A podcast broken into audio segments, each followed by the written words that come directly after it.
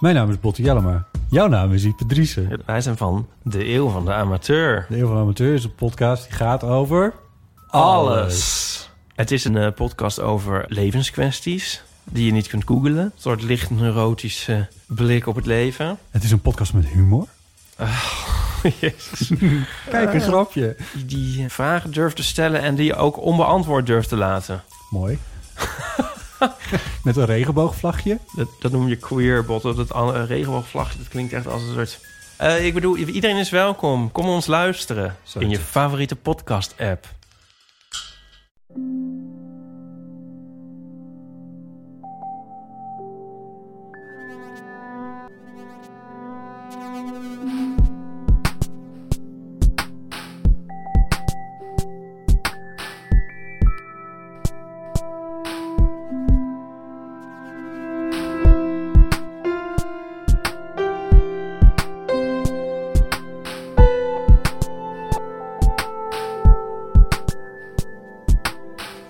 Dit is Relaas, waarin mensen een verhaal vertellen over iets dat ze zelf hebben meegemaakt.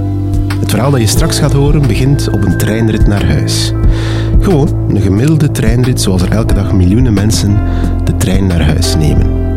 En als ik soms op Twitter lees wat er allemaal over die treinritten verteld wordt, dan denk ik, man, wat moet dat een ellende zijn. Maar niet zo bij Io. Zij sluit haar ogen en verzint een eigen avontuur bij haar treinrit naar huis.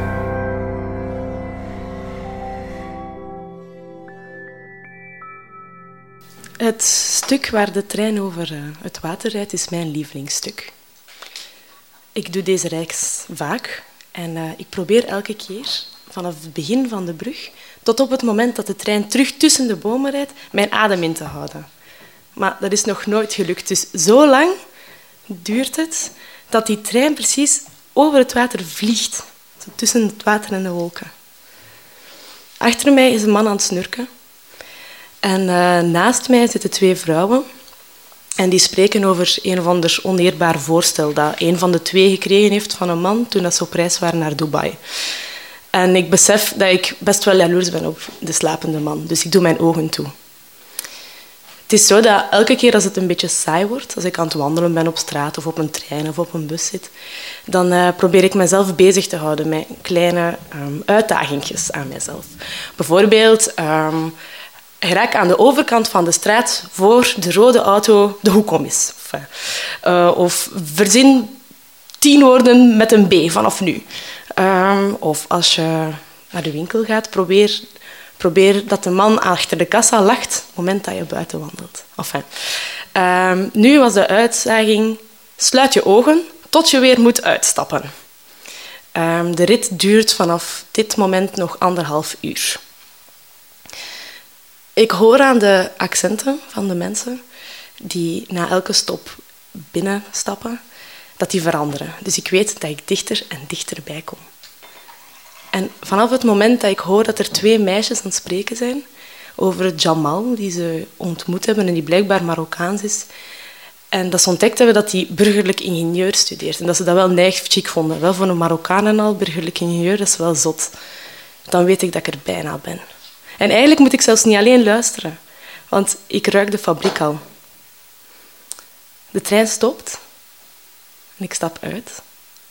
Ik ga de trappen af van het station en ik kom op het stationsplein. Zoals elke Vlaamse provinciestad hebben ze geprobeerd om ook hier het stationsplein er te doen uitzien als een uh, architectuurtekening. Uh, met van die digitale mannetjes die van alles doen en zo. Dus hier hebben ze de oneven kasseistenen uh, vervangen door van die grote betonblokken. En waar dat de bushaltes allemaal door elkaar stonden, uh, is nu een fontein. Maar het is niet helemaal gelukt. Als je op dat plein wandelt, dan voelt je dat dat plein van de mensen is. Je ziet dat aan um, de, ja, de jongeren die daar hangen na school, tussen de zuilen van het station. Zoals ik vroeger ook deed. Of aan de blikjes cola die nu in die fontein liggen. Of aan de cafés daar rond, waar dat er om vijf uur in de namiddag slagermuziek wordt gespeeld.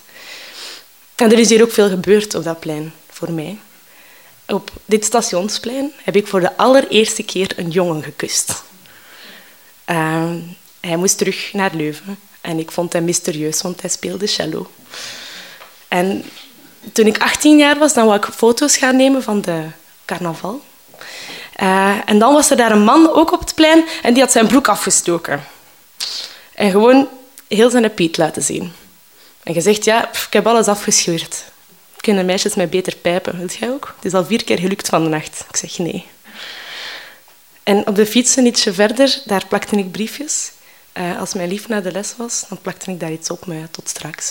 Ik zie u graag. Of, die dingen. En in, in het winkeltje van het station, daar ben ik snel nog een flesje water gaan halen. Toen ik besefte dat ik net iets te veel rosé in de zon had gedronken voor mijn rijles tot goed einde te brengen. En nu ben ik hier uitgestapt. En ik heb zin in een uh, klein pakje met satékruiden en een curryworst speciaal. En ik weet exact waar ik daarvoor moet zijn. Uh, van op het stationplein heb je twee opties om frieten te gaan halen. Eén frietkot aan de rechterkant en één frietkot aan de linkerkant. Uh, vroeger was er nog één in het midden, maar dat is weggegaan toen dat die betonblokken daar kwamen en zo. Um, dus ik ga naar dat frietkot aan de rechterkant. De ruimte in het frietkot is driehoekig. Er staan twee tafels in. En aan elke tafel zit een man. Alleen, apart. En ik vind het raar dat ze elkaar niet kennen, want ze lijken eigenlijk super hard op elkaar. Ze hebben alle twee uh, zo'n debardeurken aan. Eentje in het uh, jeansstof en de andere in leder. En uh, alle twee hebben ze een super dikke buik. Zo dik dat hun tafeltje, waar hun frieten op liggen, eigenlijk net iets te, te ver van hun staat, voor nog comfortabel te zijn. En hun pakjes friet zijn leeg, maar hun pinten zijn nog niet leeg. En die drinken ze niet, maar die tanken ze zo gelijk robots. Zo. Ik denk dat ze naar het niets aan het staren waren. Op, maar voor ik binnenkwam. Dus toen ik binnenkwam, dan voelde ik dat hun ogen aan mijn rok plakten. Dus ik doe mijn best om naar de toog te kijken van het frietkot, uh, in het midden van de ruimte.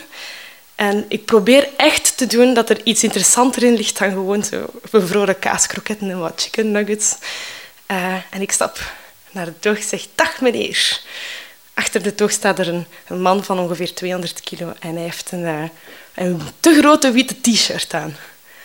Ik denk, maar dat is een grote t-shirt. Dag meneer, voor mij een klein pakje, maar laat mij niet uitspreken. Kende jij dat, vrouwenliefde? vraagt hij. Eh? Kende jij dat?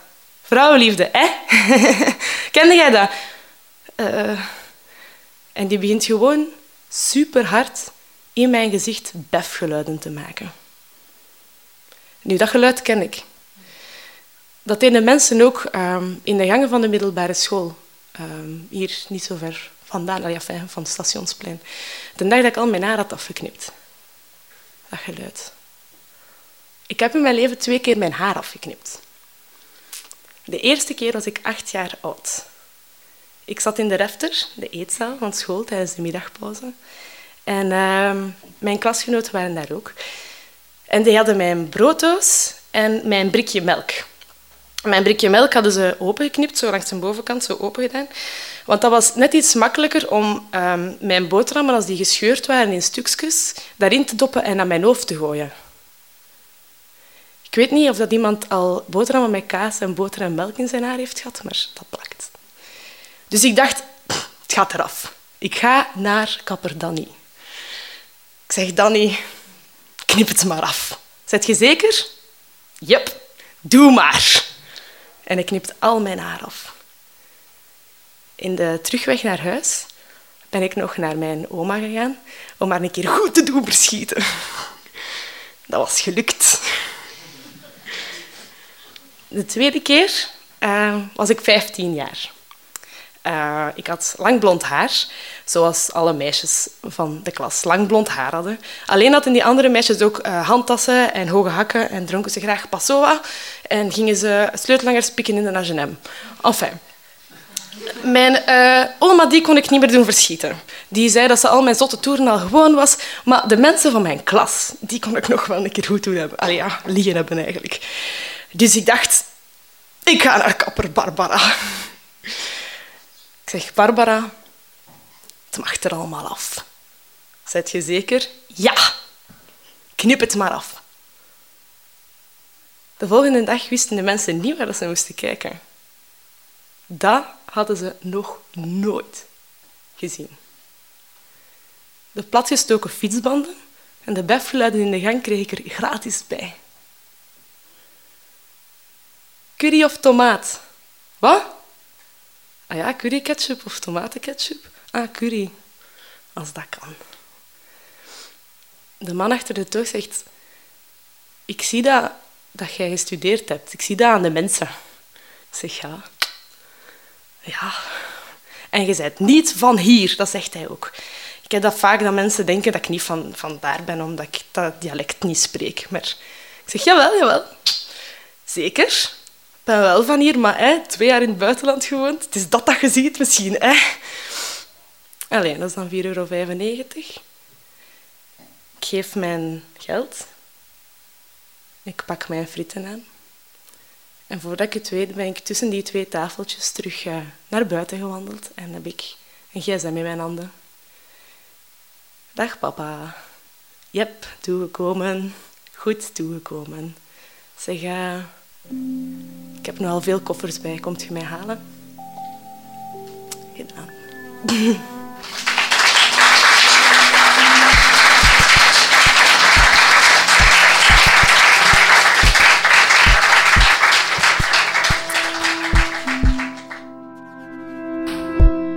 Dat was het relaas van Io. Ze vertelde het in het najaar van 2016 in Huset in Gent. Het was heel leuk om eens mee te kunnen kijken in het hoofd van iemand die op de trein naar huis zit, het landschap ziet voorbijflitsen en dan vraag je soms af waar denken al die mensen aan. Wel kijk, dat was dus de versie in het hoofd van Io Koman. Het zou tof zijn dat we ook eens mogen meekijken in jouw hoofd. Dat kan. Je moet ons gewoon laten weten wat je graag wil vertellen op zo'n relaasvertelavond. En ik geef jou ook een beetje inkijk in hoe wij te werk gaan. We hebben een hele groep coaches, verhalencoaches. En die gaan dan samen met jou een koffie drinken. Die brengen structuur aan in jouw verhaal. Die zorgen ervoor dat je met een gerust hart dat podium kan opstappen en voor een beperkte groep dat verhaal kan vertellen. En achteraf ook voor de podcast natuurlijk. Je legt dus niet zomaar je ziel bloot.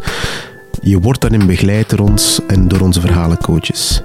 Als je dus een idee hebt, laat het weten op relaas.be, dat is onze website, of je stuurt een berichtje op Facebook. Die verhalencoaches trouwens, ik noem ze even bij naam. Timon van de Voorde, Evert Saver, Charlotte Huigen, Sarah de Moor, Anne van den Abelen en Anneleen Schelstraten. En daarnaast zijn er nog heel wat relaas-producers, noemen wij dat. Stefan Groyaert, Philippe Cox, Sarah Latré, Dieter van Huffel, Marleen Michels, Ruby Bernabeu Plaus en ikzelf ben Pieter Blomme. Relaas is er dankzij Stad Gent. Onze partners zijn REC, dat is een talentnetwerk voor digital storytellers. Ik werk daar zelf voor. En dankzij Urgent FM, waar we onze verhalen mogen uitzenden. En uh, zij helpen ons ook met materiaal en plaats en zo. En er is geen relaas zonder jou. Jij bent onze luisteraar, maar ook onze ambassadeur. Dus het zou echt super zijn mocht je een van onze verhalen eens kunnen delen online. Dat kan via Facebook, Twitter, maakt niet uit, zelfs via Instagram. Uh, of je kan het natuurlijk ook gewoon tegen je buren vertellen of tegen de persoon naast wie je zit nu in de trein. Dat zet een poort open voor ons voor een hele hoop nieuwe luisteraars. Dat zou heel tof zijn. Dankjewel.